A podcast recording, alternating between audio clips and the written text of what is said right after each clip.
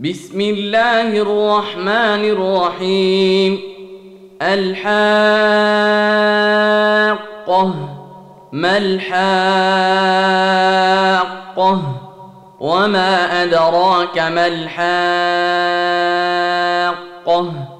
كذبت ثمود وعاد بالقارعة فأما ثمود فأهلكوا بالطاغية واما عاد فاهلكوا بريح صرصر عاتيه سخرها عليهم سبع ليال وثمانيه أيام حسوما فترى القوم فيها صرعا كانهم اعجاز نخل خاويه فهل ترى لهم من باقيه وجاء فرعون ومن قبله والمؤتفكات بالخاطئة فعصوا رسول ربهم فأخذهم أخذة رابية. إنا لما طغى الماء حملناكم في الجارية لنجعلها لكم تذكرة وتعيها أذن واعية.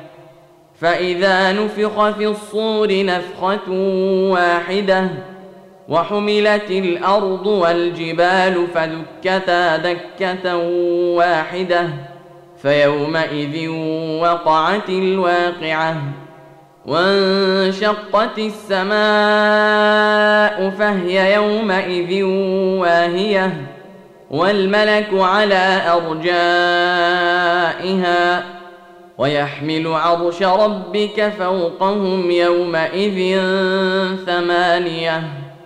يومئذ تعرضون لا تخفى منكم خافية. فأما من أوتي كتابه بيمينه فيقول هاؤم اقرءوا كتابيه.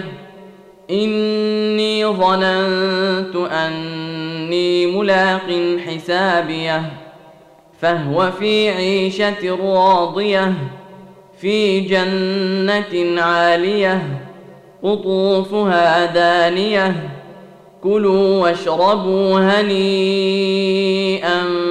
بما أسلفتم في الأيام الخالية.